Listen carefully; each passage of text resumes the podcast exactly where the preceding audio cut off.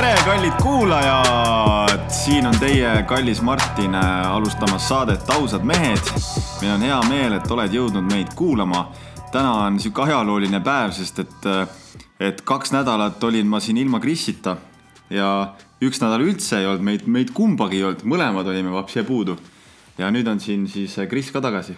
ja, ja tere, tere ka minu poolt ja, ja Kris siis, Kris is in the fucking house tegelikult on hea tagasi olla, ma just enne bussis äh, sõitsin, siis mõtlesin selle peale, et kuradi imelik oli, kui, ähm, kui ei olnud nagu podcast'i jaoks äh, aega broneeritud selleks, et teha saadet ja saate jaoks üldse enda häält jagada, et kuidagi väga-väga kuidagi selle podcast'i salvestamisest on saanud selline omamoodi mm, eluviis või rituaal. mingisugune rituaal ja, et iga teisipäev on salvestamine ja, ja iga reede tuleb osa välja ja, ja kuidagi tühi tundus elu, kui seda podcast'i äh, enda häält nagu panustada ei saanud, et it's good to be back It's good to be back ja. klassi ja..., mida? noh, kui sa oled uus inimene, eks ju, esimest ja, korda ja. oled siin kuulamas meie saadet, mõtled, et mingid ausad mehed, no millest need ausad mehed räägivad. et siis äh, tere tulemast, meil on hea meel, et oled jõudnud meid kuulama. ja me räägime siin äh, kõigest elulisest, suhetest, äh, armastusest, rahast, vaimsusest, filosoofiast ja me üritame nagu kõigest rääkida võimalikult ausalt ja vahetult ilma filtriteta äh, kõigest sellisest, millest võib-olla siis mehed reeglina ei räägi väga avatult. vot nii, et tere tulemast sulle, uus kuulaja ja tere tulemast äh, tagasi, armas kuulaja, kes sa oled meid juba tükk aega kuulanud. ja omalt poolt võib-olla rõhutaksin ära seda ka, et kui sa juhuslikult oled naisterahvas, kes seda kuulab, siis ära ehmu, et see on ka sulle see saade, et ei ole ainult meestele suunatud, vaid, vaid pigem tundub, et meie suurem kuulajaskond on tegelikult naised klassikaliselt, äh, klassikaliselt nagu ikka meil tavaks on, kui on tavaks olnud see võimalus teie poolt, kui on antud meile see võimalus teie poolt, siis äh, tahaks tänada täna äh, Karin Krüügerit. ja, ja, ja ma tsiteeriks äh, sinu väikest lühikest äh, recommendation'it meile, mille sa panid Facebooki. lemmikuim osa päevast, kui panen teie podcast'i käima, te olete tõsiselt vägevad. aitäh, me tõesti oleme, me oleme tõesti väga vägevad et tegelikult ka siiras aitäh, et sa jagad enda mõtteid ja, ja just täna rääkisin ka ühe tütarlapsega. Eh, ühe tütarlapsega, kes eh, samuti meie saadet eh, kuulama sattus. Get lost, be free. väike reklaam ka, võite minna vaatama, äkki saate lugeda blogi. tütarlaps on solo female traveler, eestlane siis reisib üle erinevate riikide ja kontingentide hetkel ja, ja talle meeldis ka väga meie saade, ütles, et väga-väga kõnetas esimene saade, esimene saade, mis ta käima pani, et äh, jube hea, jube lahe on äh, alati kuulda positiivset tagasisidet. aga ja. nagu ikka, tahaks ka negatiivset kuulda mõnikord, nii et kui mingi sihuke lambi heit sind kuskil vaevab, siis let it bring it on lihtsalt, et me oleme valmis selleks. ja mis siis vahepeal toimunud on? mis vahepeal toimunud no? Reigo juurde ma ei saanud tulla, sellepärast et nagu Martin seal mainis juba, siis ähm, Krisi naine hakkas äh, kohe-kohe Reigo saate sünnitama. Ähm, päris nii kohe-kohe ta ei olnud, aga aga tõepoolest, äh, üheksateist september äh, algas, õhtul algas sünnitegevus ja kahekümnenda septembri varahommikul kaheksa viiskümmend sündis mul tütar. palju õnne! sündis tütar, sündis väike tüdruk. nime ma ei ütle. ja miks see ei ole üldse oluline, aga miks see on, see on sihuke salapärane mees, et ega lapsest lapsest pilti ei hakka ka üles panema. siis kui teed perepilti, siis paned sensor, paned lapse näo peale. maski paned, anonüümselt maski pähe alati. tegelikult nimeks sai Elli ja, ja. Elli Kala. Elli Kala ja sellega ka lugu, aga seda lugu ma täna ei räägi, seda lugu saate lugeda tõenäoliselt äh, eesolevast blogipostitusest, mis räägib siis rasedusest ja ka sünnitusest. vot aga kodusünnitus, ma pean seda mainima. jaa, kodu, kodusünnitus. kodusünnitus. Läks edukalt. kõlab väga paljudele, esma, väga paljudele kõlab kodusünnitus äh, selliselt, et nagu what the fuck is that. et mis teil viga on. Äh, kodusünnitus, ma siis täpsustaks võib-olla planeeritud kodusünnitus, siis see on õigem termin, sellepärast et me ikkagi planeerisime seda mitu, ehk siis terve raseduse vältel üheksa kuud ette. et ei olnud see, et nüüd kodusünnitus, et ups, kogudus tuli, vaid me olime, me olime mm -hmm. seda oodanud ja seda planeerinud ja, ja tõepoolest meil sünnitus toimus basseini ja, ja meile tulid appi siis äh, Tallinnast ämmaemand ja ka sünnitoetaja. Mm, kes tegelikult äh, jõudsid, äh, jõudsid väga napilt kohale, et, et, et jaa, sünnitasime kodus ja kui te küsite võib-olla oma peas, miks me kodus sünnitasime, siis sellepärast, et me oleme inimesed, kes väga ei poolda seda akadeemilist meditsiinisüsteemi ja, ja ma usun, et kogu sellest võib-olla meditsiinist ja võib-olla ka ütleme siis kogu sellest, äh, ma ei teagi, tervise, tervise, tervisepüramiidist, tervisest endast võib-olla siin saates kunagi jõuame rääkida ka mõne asjatundlikuma inimesega, kes teab rohkem vaktsiini, vaktsineerimisest ja muudest asjadest ka, et mina nii pädev sel teemal rääkima ei ole, et äh, jääksin natuke hätta siin kindlasti.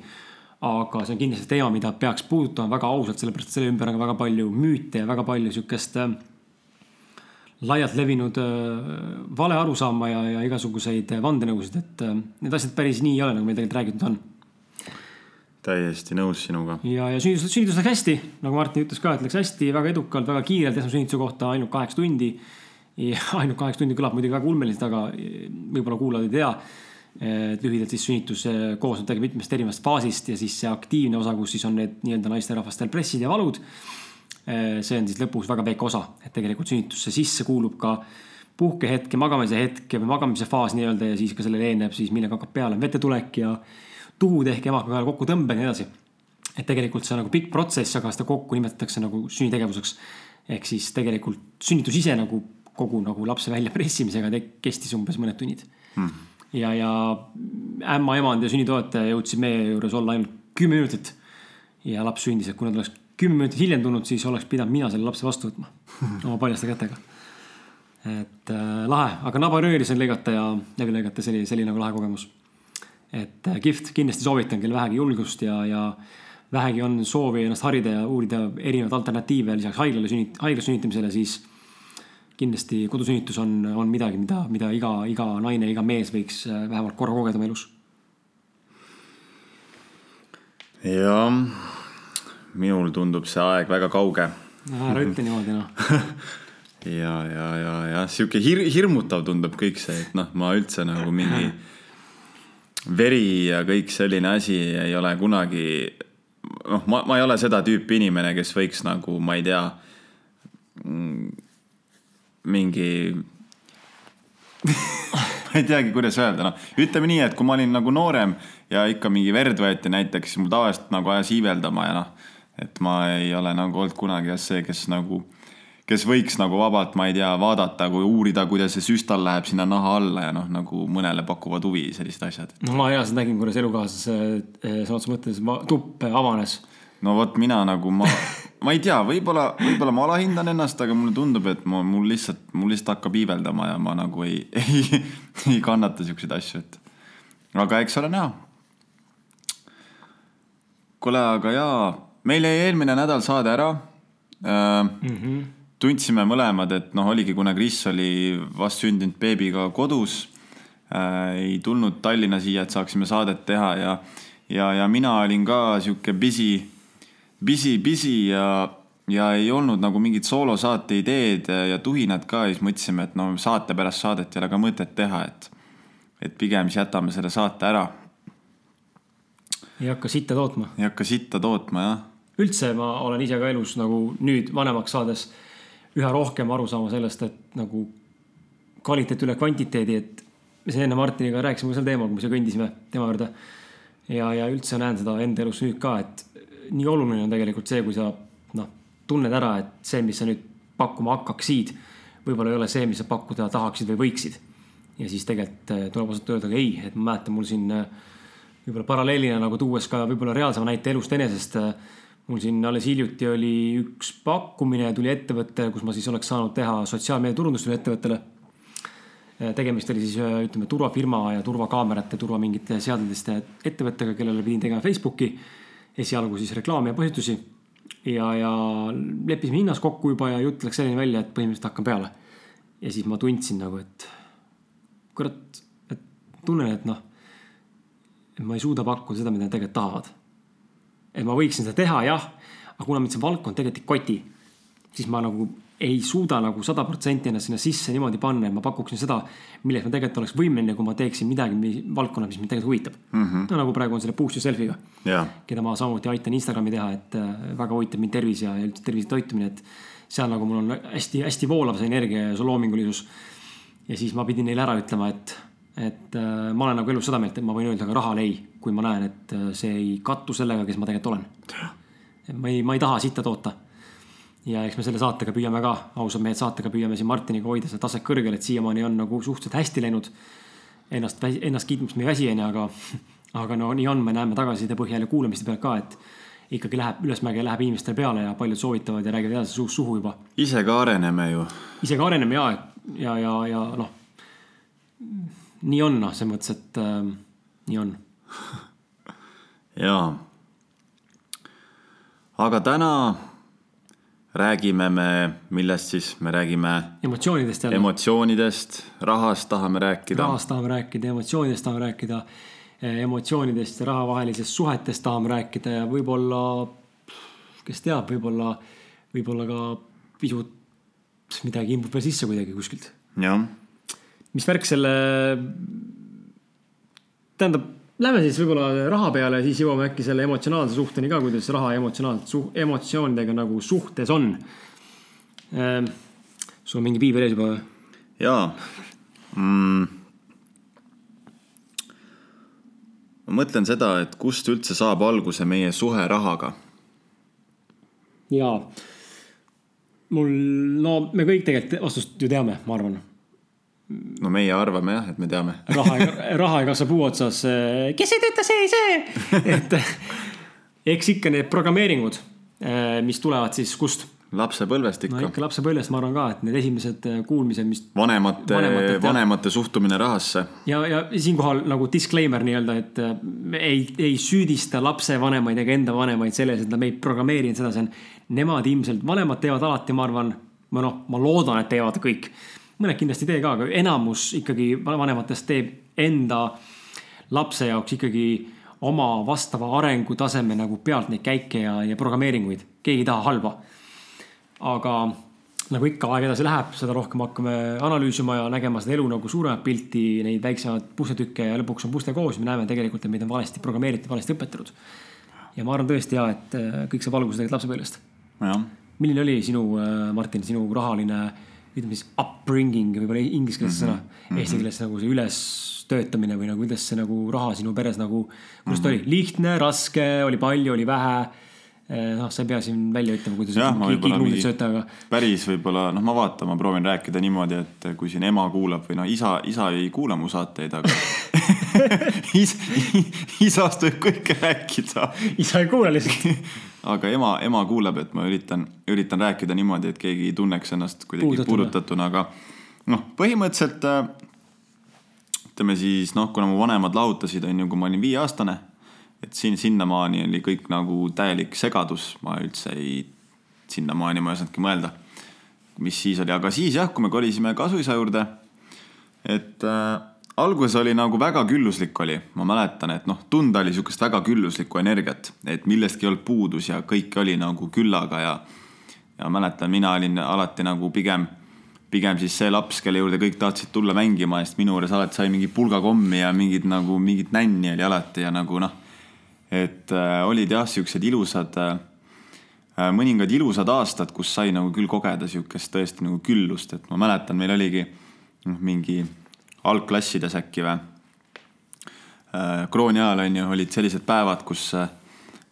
siis äh, kasuisa või ema on ju noh, seal kasuisal ka oli, kaks last on tal veel, noh nüüd kolm ka nüüd kolm ka et siis oli, siis oli kaks last, kes olid minust vanemad, onju, kes on minust vanemad. ja hiljem siis sündis minu vend, väike vend Rasmus. aga et, et nad siis andsid jah, nagu meile kõigile kolmele andsid näiteks mingi, ma ei mäleta, kas viiskümmend krooni või sada krooni, mis oli väga suur raha sellel ajal lapse jaoks. kuu aega seda süükommi noh. ja lihtsalt läksime poodi, ostsime mingi krõpsu, šokolaadi, kummikomme, kõiki asju nagu tulime koju, sõime neid, jagasime nagu sihuke noh, ühesõnaga jah, sihuke külluslik aeg oli, et aga noh, samas äh, siis asjalood muutusid ja, ja ütleme, et äh, läksid mitmed asjad kehvasti. Läksid mitmed asjad nagu kehvasti ja noh, siis sai tunda ka nagu sihukest äh, pingelisemat aega, et ei olnud enam tunda seda külluse nii-öelda energiat õhus ja, ja ei olnud nagu raha enam vasakule-paremale loopida, et aga noh, vahepeal ma kolisin, vahepeal ma elasin ka isa juures isa juures oli ka nagu alati millestki nagu puudust ei olnud, et kõik oli nagu olemas.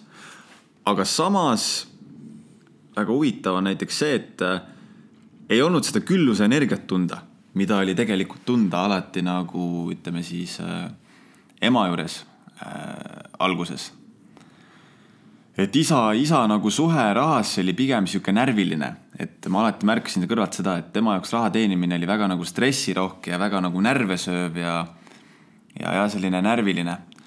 ja et noh, kui kogu see kompott nüüd panna kokku minu lapsepõlvest, et nagu küllus, teiselt poolt ka nagu kind of küllus, aga, aga ilma nagu selle külluse tundeta, pigem sihuke, et nagu raha on, aga see tuleb nagu väga vaevaliselt ja kuidagi närvesöövalt.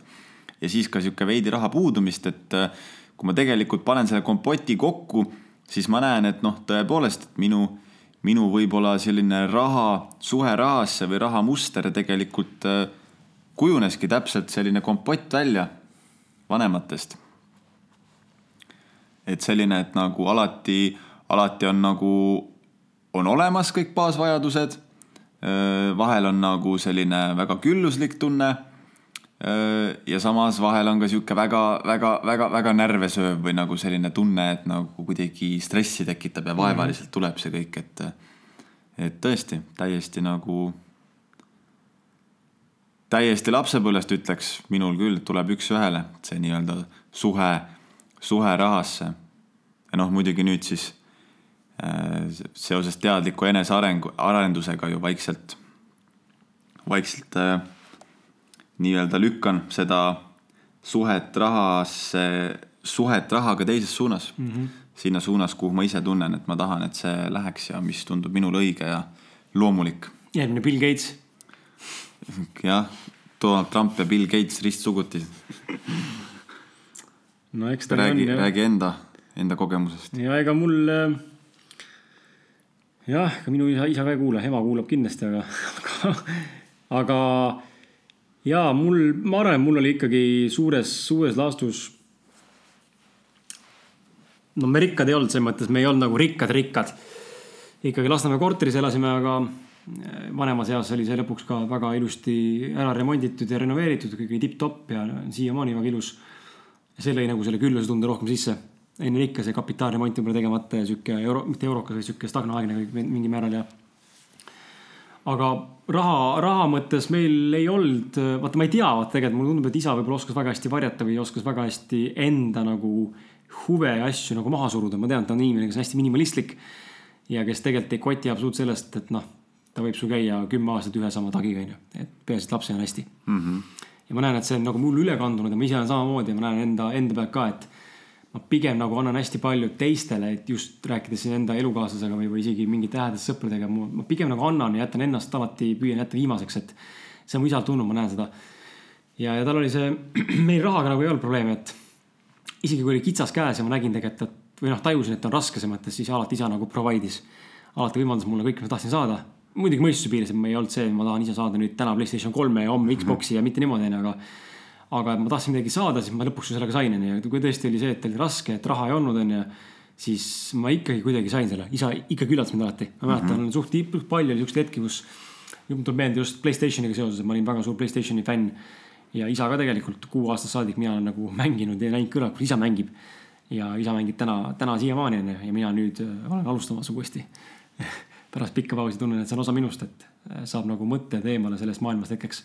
sihuke väike meelelahutus aga, aga mäletan nagu väga hästi, kuidas oligi, et tahtsin mingit mängu räigelt saada ja, ja mängud maksid tuhat Eesti krooni. oli jaa, mingi tuhat kakssada ja. retsid maksid mm. -hmm. ja, ja siis noh, ei olnud mõnikord raha, eks ole, ja, ja aga ikkagi isa suutis alati üllatada mind, kuigi ta oli öelnud mulle, et seda praegu ei saa, et noh, ei ole võimalik. alati kuskilt see mängu välja võlus. Ja siis mul oli alati nii hea tunne, samas oli nagu nii halb tunne sisimas sees, ma sain aru sellest, et kuskil millegi arvelt on kokku hoitud. ja, ja eks ma arvan, et on, on nii nagu vaata see külluse teema, see raha teema on täpselt nii prioriteedi küsimus, et see, mida sa prioriteediks nii-öelda pead, siis see on külluses ja see, mis prioriteet ei ole, siis seda justkui elus ei ole olemas. selle pealt on sa vaene. ja mulle meeldib siin tuua just nagu paralleeli ka võib-olla enda kasvatuse koha pealt mis ma praegu elus näen, et ma prioritiseerin Eliisega hetkel enda elukaaslasega väga toitumist. näiteks ja meil on toitumine nagu tipp-topp noh, ma panen kõik oma raha pigem äh, toidule, kui see, ma lähen ostan endale iga kuu uued riidihilbud mm. -hmm. mul on täitsa pohhu, ma võin kartulikotiga käia. ausalt, kui mul, noh, mul on riided õnneks olemas, aga, aga ma ei mäleta, okei okay,, ma ostsin nüüd tossud kahekümne euroga siin mingid, sain soodukaga onju kuskilt mm -hmm. ja eh, kaltsukast ostsin endale tagi, mis täna nägid viieteist euroga onju, noh mm. -hmm. ma mind ei koti absoluutselt mingid fancy asjad, mul ei ole seda vaja. see aeg on ammu möödas, ma pole kunagi olnud selline. aga, aga see ongi see, et, et kui sa vaatad nagu riideid, siis inimene käib nagu aastakümneid sama jopega onju, samade pükstega onju, nii-öelda onju. no normaalsed välja, ma oskan asju hoida. aga et justkui nagu vaene, et midagi uut ei osta endale, aga samal ajal näiteks mingi teine valdkond nagu näiteks toitumine mm -hmm. on nagu tipp-topp korras, on, ostan väga palju orgaanik asju. püüame olla puhtade toitumisega onju, mitmekesised, ei hoia kokku. toiduarv olla seal eh, kahe päeva kohta mõnikord ka sott onju, noh, mis teha, so what. see on minu jaoks oluline onju et nagu hästi lahe on nagu näha, kuidas prioriteetide järgi tegelikult saab ka mingil määral nagu mõõta seda külluslikkust, samal ajal jällegi absoluutselt suurt pilti tegelikult ei loo mm. -hmm. et ta loob väga nagu sellise noh, mingil määral väga vale sellise nagu arusaama ja ma arvan, samamoodi oli sul ja mul, et kui ma ütlen, ütlengi enda kohta siin, mul on nagu terve elu olnud külluslik, sihuke üle keskmise külluslik elu lapsena. pubekaeas ka, et mind on alati võimaldanud, antud ka taskuraha alati ja sain ema käest raha, isa käest raha ja, ja anti reiside jaoks raha ja võimaldati minna igale poole, teha seda, toda, kolmandat, viiendat onju.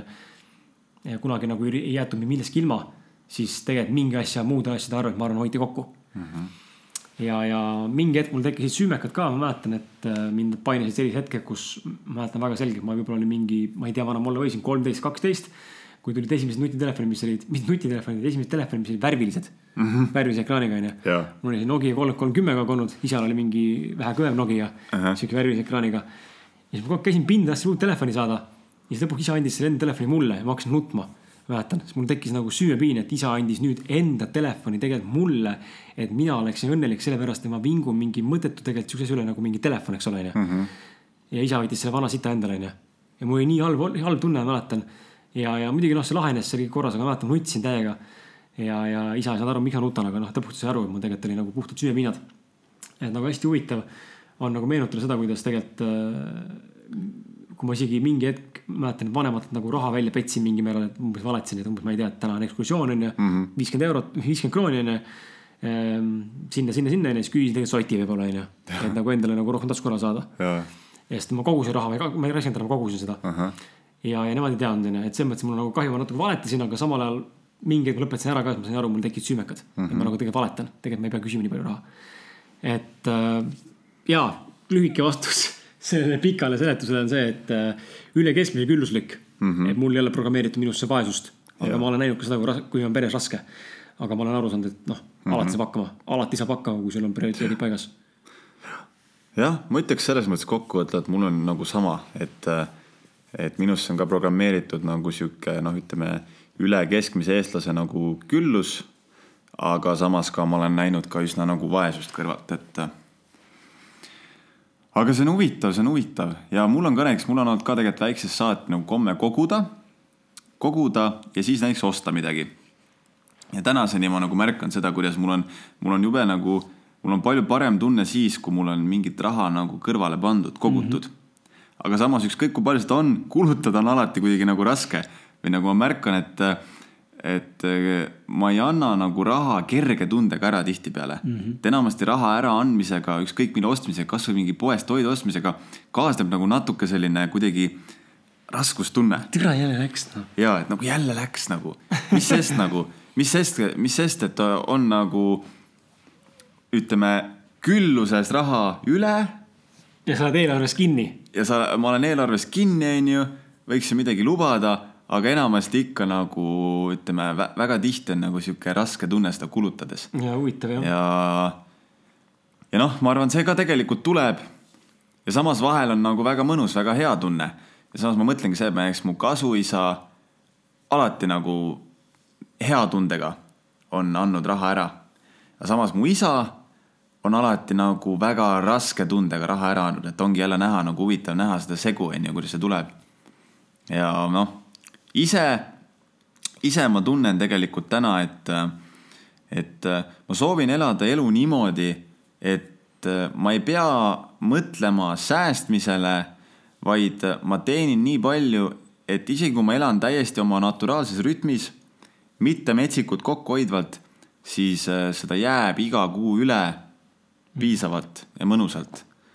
Et nagu raha, ma tahan, et ma suudaksin raha kulutada ka nagu väga kerge, mõnusa, küllusliku tundega, sest ma tean sisimas, et seda tuleb külluses kogu aeg peale ja ma ei pea nagu muretsema, et äkki ma nüüd kulutan liiga palju, onju, et et, et jah, ma, ma so-, noh, ma näen, et see on muutumas, ma näen, et mu suhe rahaga on muutumas. huvitav jah. aga, aga see on nagu jah, see, see goal, et seda tuleks nagu külluses peale, et noh. Mul on suht sama kogemus sellega, mul siiamaani mõnikord tegelikult elukaaslane rohkem nagu sellest nagu detached, rohkem lahti lasknud, sest et tegelikult noh, meil on ühine rahakott suhte algusest saati ja tegelikult ta väga ei oma ülevaadet nii-öelda nagu igapäevaselt pangaasjadest, ta nagu ei logi sisse sinna teie kotti üldse, ta usaldab täielikult. ja, ja mina olen see, kes ikkagi peab nägema, maksan makse, eks ole, ma ikkagi näen, mis konto aeg toimub mm, -hmm. mis mhm. kontoga toimub.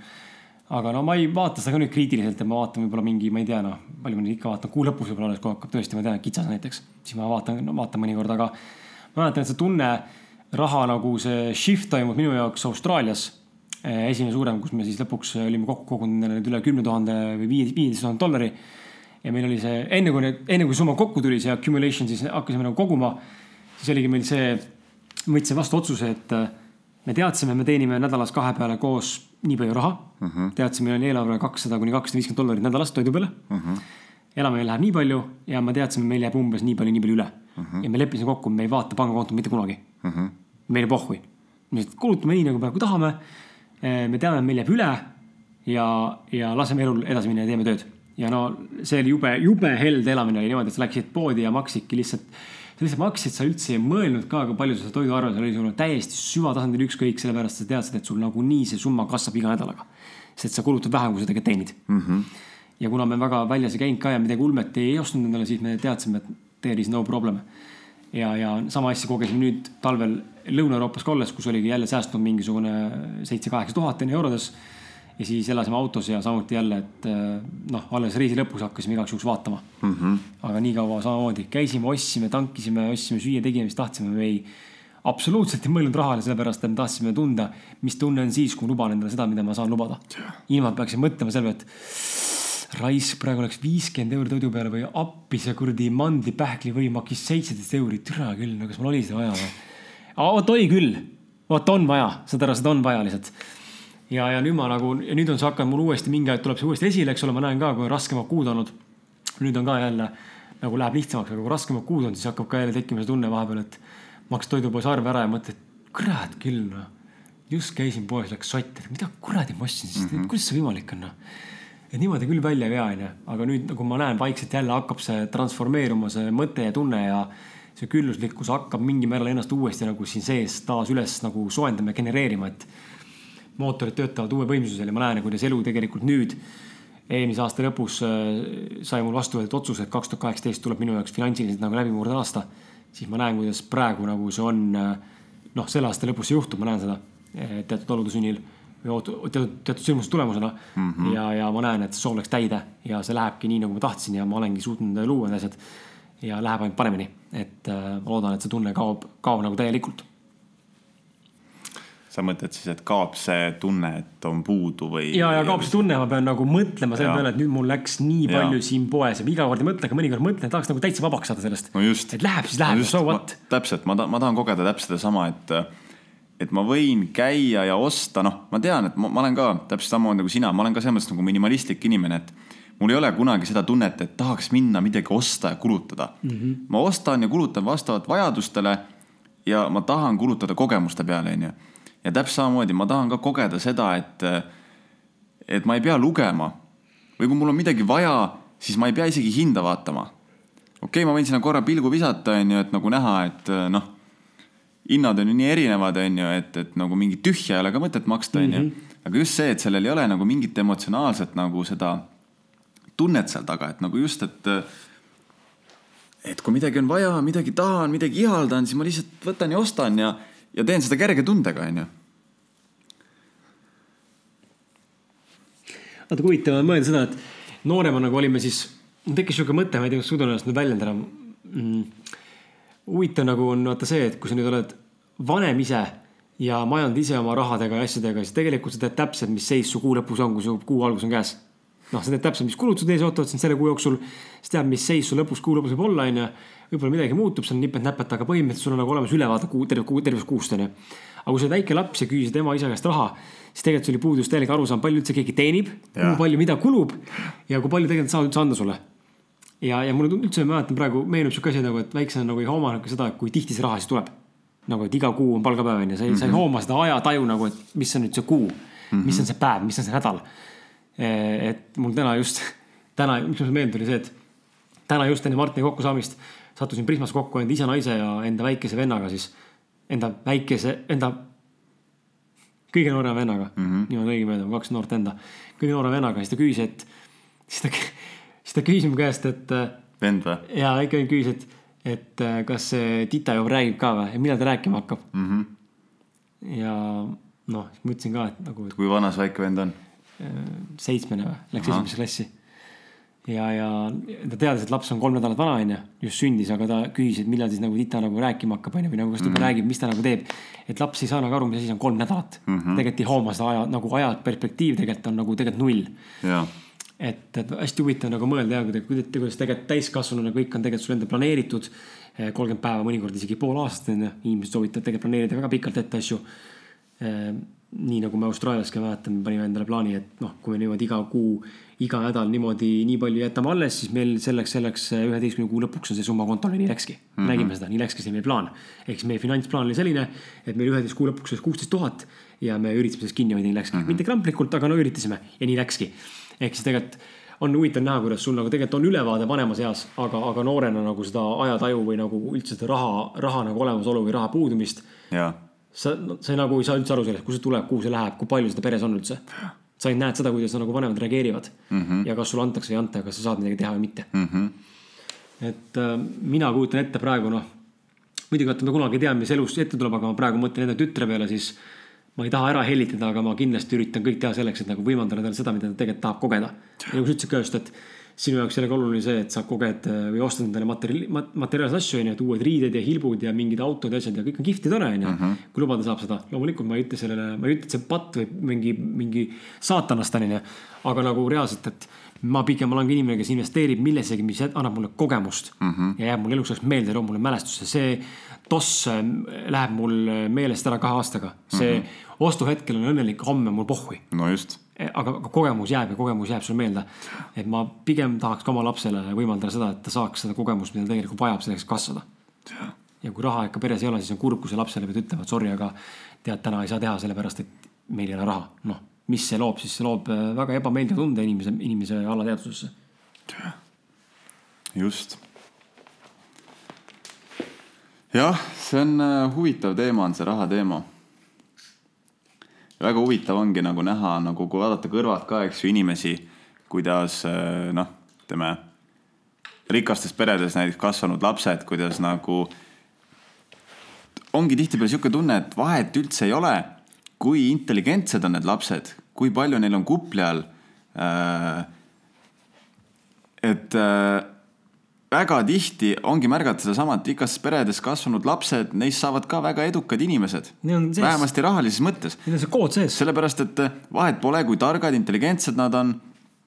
Neil ongi just nimelt see muster on neil nii tugevalt alateadvuses, nad on harjunud sellega alateadlikult, et nende ümber on alati küllus, alati on raha ja mingil maagilisel viisil nad, nende elu läheb ka täpselt niimoodi, et neil on seda raha, onju.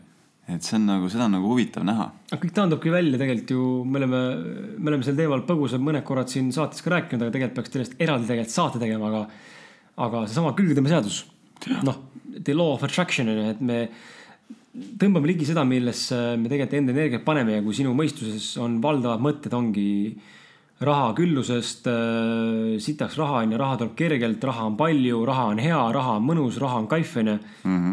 Mitte just nagu selles mõttes, et ma nüüd ahmin raha kokku ja hoian raha, vaid vaid et raha tuleb ja raha on, siis paratamatult noh, sa loodki seda reaalsust, sest see on sinu reaalsus, raha tuleb kergelt, järelikult mm -hmm. ma teen siis seda ja see tuleb kergelt.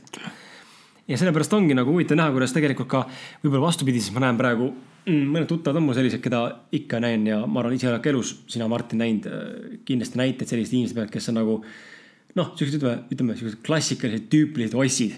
Mhm. aga kurat, raha oskavad teenida jah, sitaks lihtsalt,. just, just, just, ja just. kuidagi jube lihtsalt lähevadki asjad onju. otsad, mis tegelikult nagu tema arengu tasemelt või nagu mõistuse olemuselt või kuidagi intelligentsuselt tegelikult ei peaks üldse tema tegelikult tegema seda. aga vend teeb seda kuidagi väga hästi ja no türa, kus teenib plekki. jaa, just. tal on samamoodi järelikult on, nendel võib-olla ei ole see kood nii sees, aga neil võib-olla on see, et nad ei taha mitte midagi elus teha, leiavad viisi, kuidas saada raha kergelt. sest neil on, nad ei taha, nad ei taha, nad ei taha teha seda, mida võib-olla tavainimene on nõus tegema, okei okay,, ma lepin selle palgatööga kolmekümneks aastaks mm. -hmm. Nad ei taha, nad ei, nad teevad ükskõik mida, et saada välja sellest võrgust. no mul siin üks hea tuttav nagu, hea tuttav, üks tuttav nime ei hakka mainima, kes äh, noh, alustas ka väga vaikselt oma asjadega, lõpuks äritses narkoga ja noh jaa, noh, müstika, et elu viibki sind sellesse valdkonda, kus see raha liigub lihtsalt. aga nüüd on küsimus, mis tasemel on ju, et saab mm -hmm. ka raha teenida legaalselt ja illegaalselt. või, või hästi ja halvasti on ju, et see, kuidas sa, mida teed raha nimel, et see on minu jaoks on see väga oluline, mina näiteks ei suuda teha mingit sihukest asja, mida ma täiesti vihkan. et ainult raha pärast. jah. aga jah, see on, see on huvitav, see on nagu, see on ka see standardite küsimus ja missuguseid võimalusi me suudame näha, missuguseid võimalusi me usume end väärt olevat, on ju.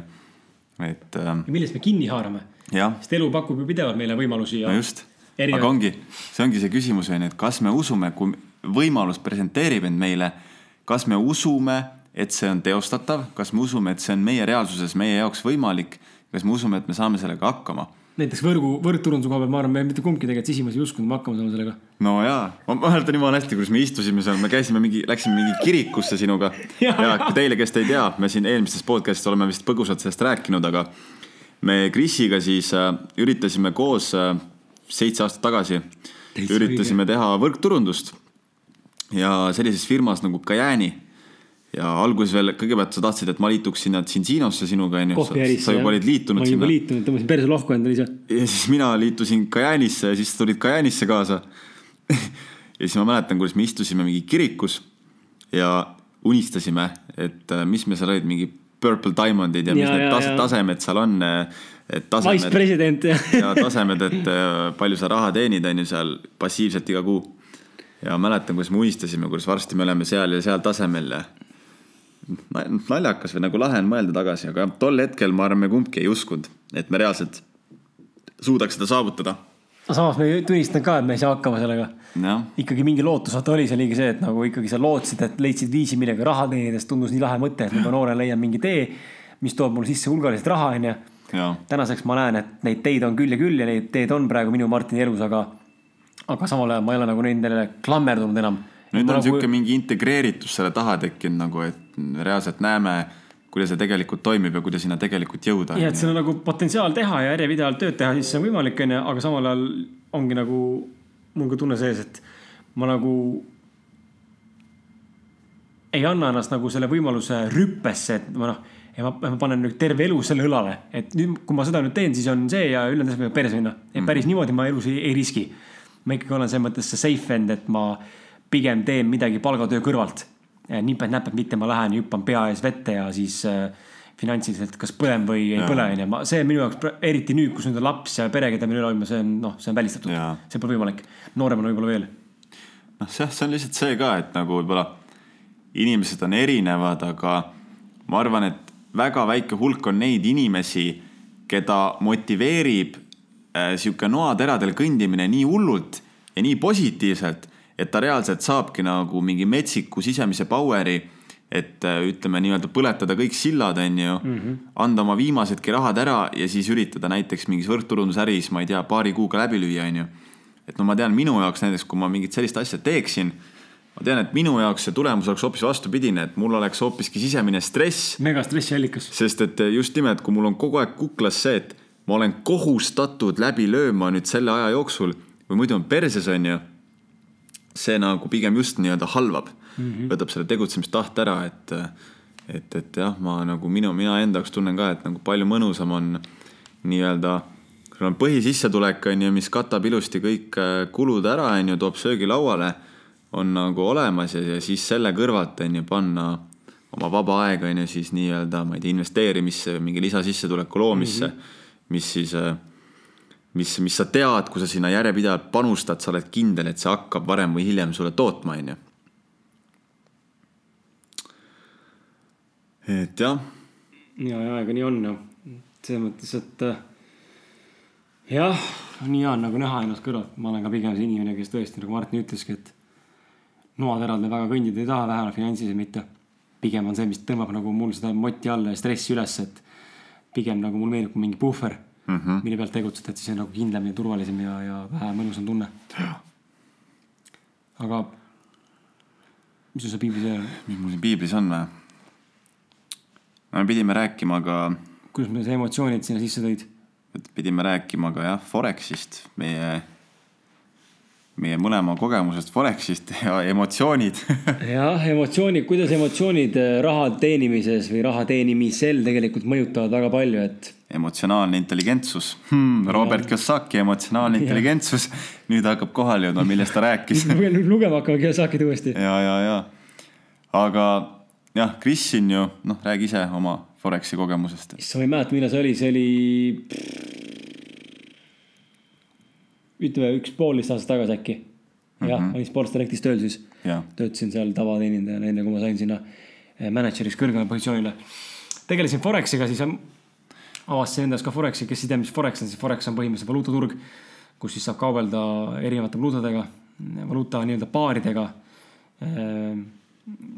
üksteise suhtes siis, et mitte sa ei oma valuutat ega ei osta ega ei müü valuutat, vaid sa spekuleerid valuuta hinna tõusule või langusele ja, ja siis mulle tundus ka see hästi-hästi nagu huvitav olevat ja see jõudis minu ellu üldse kuidagi, ei mäletagi, ma ei, praegu ei mäletagi läbi kelle, aga ma sattusin sinna koolitusele. ja mina veel käisin ka sinuga kaasas seal koolitusel ja kutsusid mind ka. kutsusin ka sinna lõpuks. Admiral Markets on ju korraldas Eestis seda,. Eestis, kes seda nagu põhifookussi nagu paneb nagu ütleme siis koolituste ja ütleme nagu vähe suuremalt, et Admiral on nagu suur ettevõte. aga, aga mäletan jah, et seal oli üks mees, Kristo Krumm, kes mul nüüd minu jaoks täna on mul nagu hea tuttav. Üks ülikooli lektoritest ja, ja, ja hästi tore inimene, hästi ettevõtlik inimene, hästi tark inimene akadeemiliselt. et tema kaupleb Forexiga nagu siiamaani päris rahaga ja, ja elab sellest mingil määral. et eh, tema nagu pani selle pisiku uuesti külge mulle ja ja ma mäletan, ma õppisin ka alguses jah, demokontot äh, haldasin seal ja, ja tegin tehinguid ja üritasin võimalikult, realistlikult seda asja hoida, et see deposiitsumma siis nagu virtuaalrahaga ka mm -hmm.. noh, võimalikult väike nagu umbes, et sada, kakssada või kolmsada, palju ma reaalselt paneksin, palju saaksin panna tol hetkel.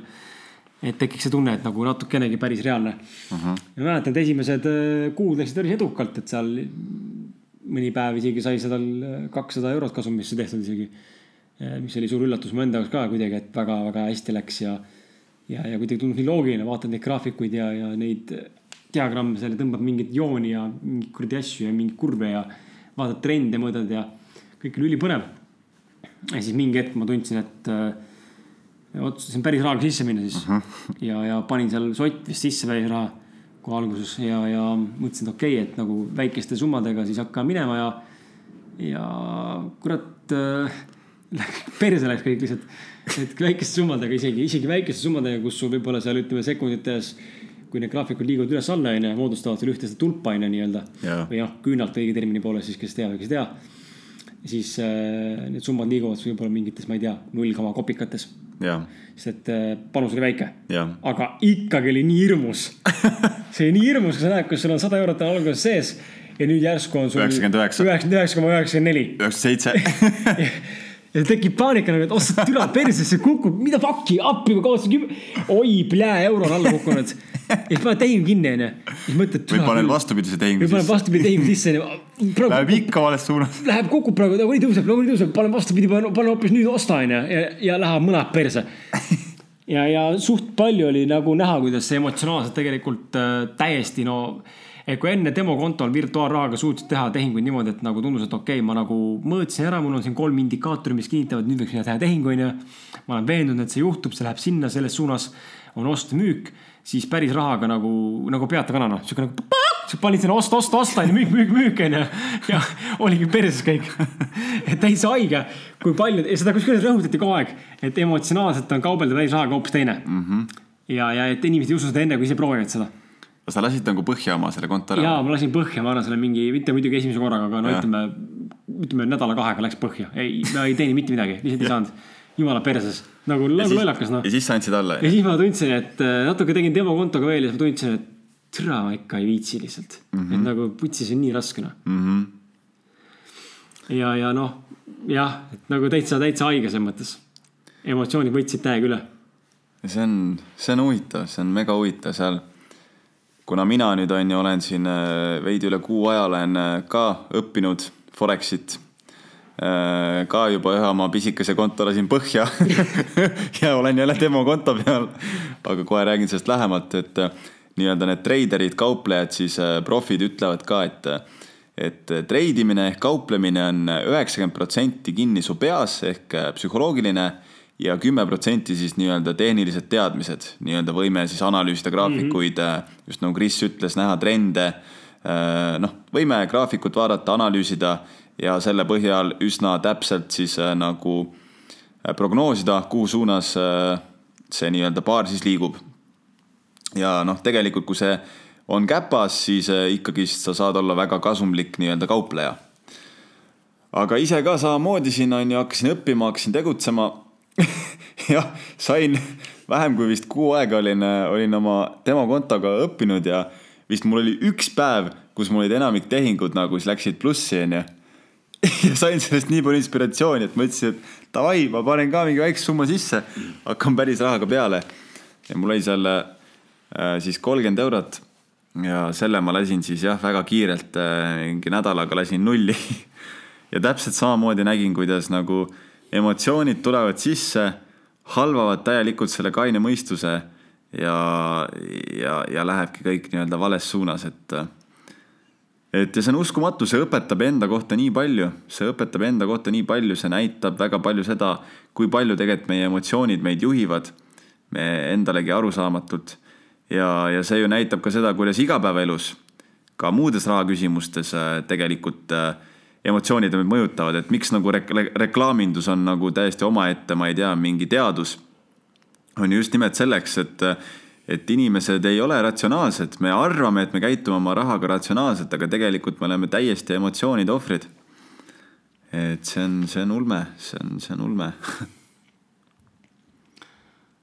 ja põnev jah no praegu mina ei ole küll Foreksi laine tagasi läinud, aga nüüd on nagu krüpto. nüüd on krüpto krüptod on ellu ilmunud ja, ja pigem noh, pigem ma ei treidi selles mõttes, pigem ma olen praegu selline ütleme, investor ma ei ole, sellepärast et noh, investor on midagi muud ikkagi, aga ütleme, ma oman siis mingeid krüptomünte ja ma pigem investeerin pikaajalises perspektiivis, et siin ütleme viie-kümne aasta, viie kuni kümne siis vabandust mm, -hmm. mitte viiekümne ehm, aasta perspektiivis, et et, et äh, näen, et mul ei ole nagu, tunnen ka, et mul on nagu, kuigi raha on pandud sinna sisse, eks ole, raha no, nii-öelda krüptodes, siis praegu ei ole mul seda tunnet, et appi, kas ma oleks pidanud panema või ma olen kuidagi oh,, vabandust, ma olen kuidagi lahti lasknud sellest, et, et las ta siis olla, noh, et ma nagu arvestan juba ka, et see raha on nagu kaotatud.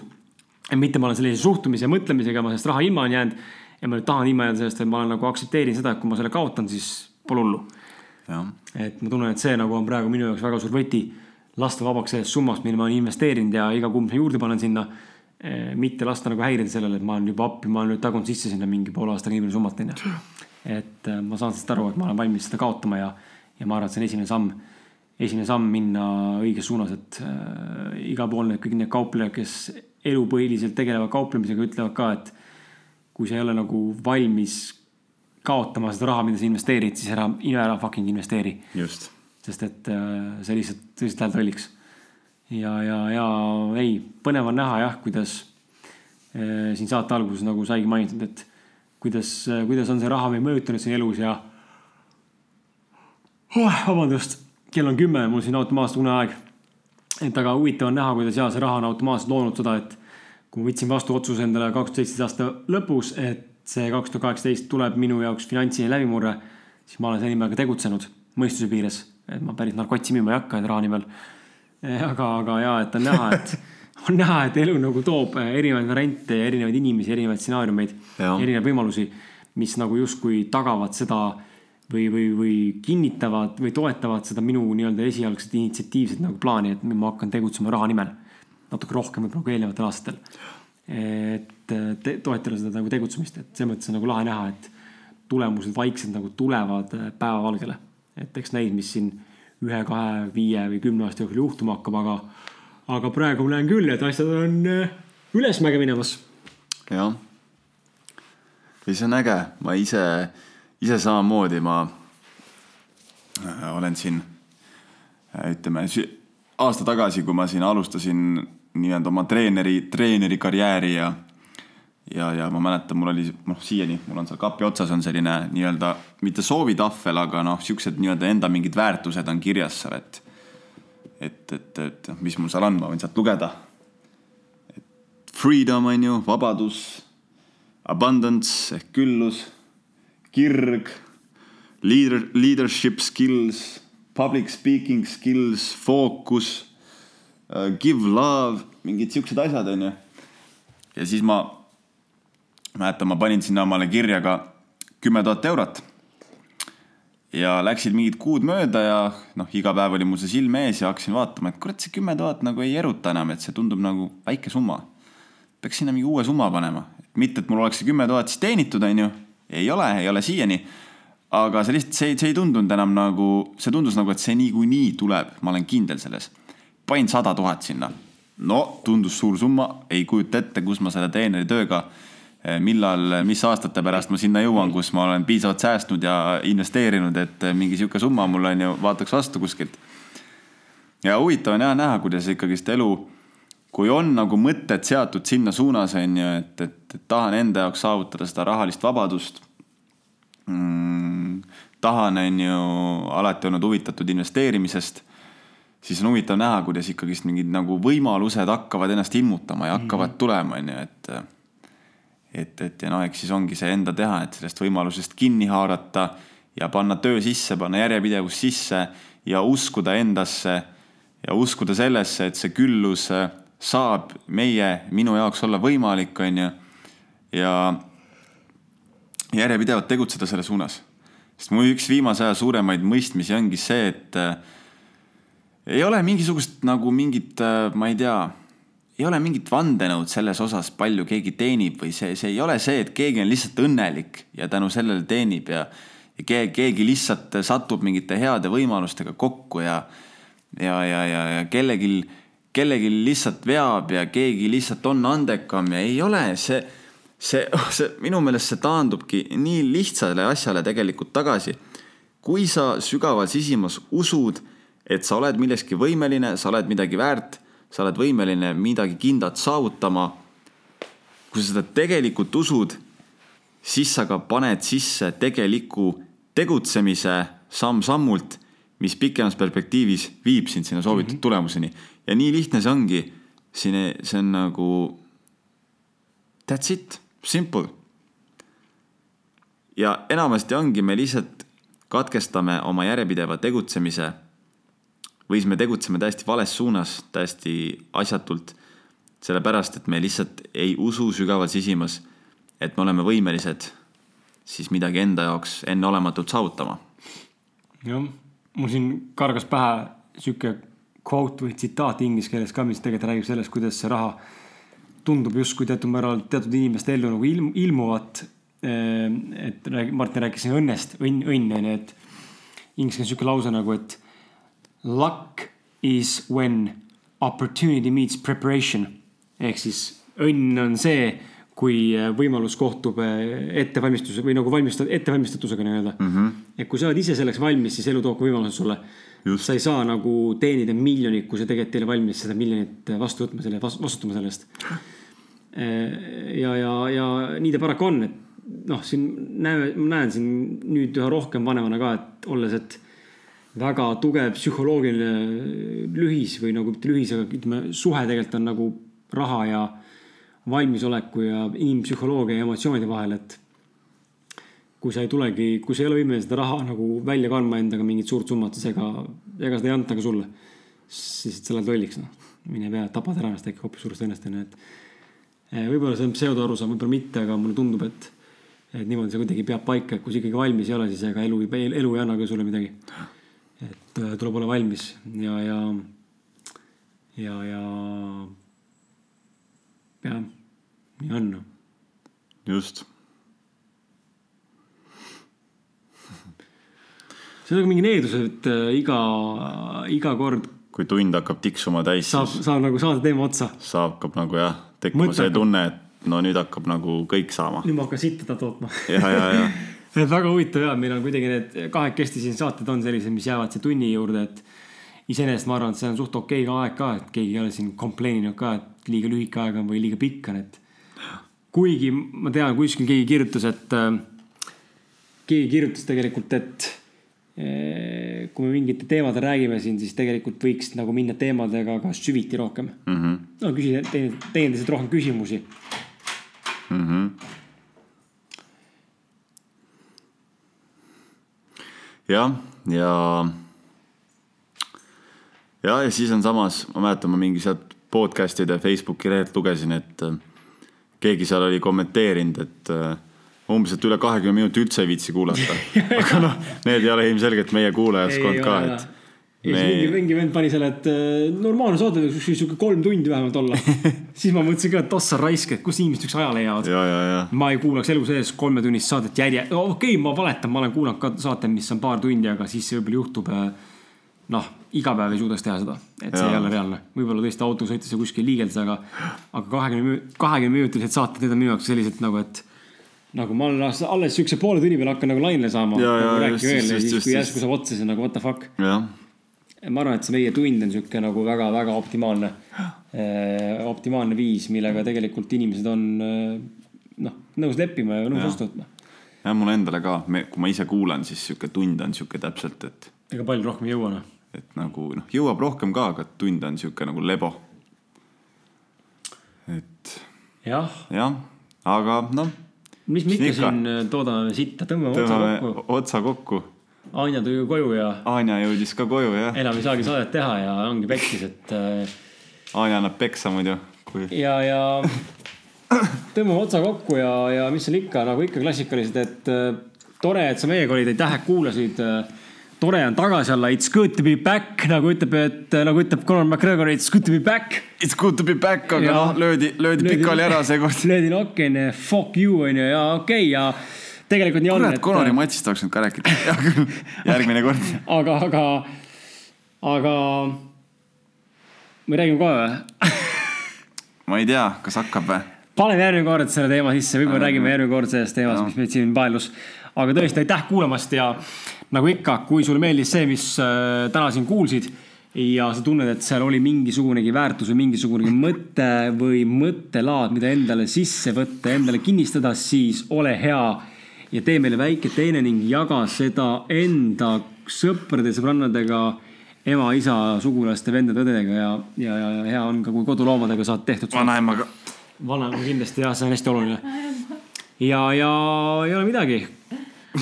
kohtume juba järgmisel reedel Ausad mehed podcast'is. ja minu poolt tšau tšau ka minu poolt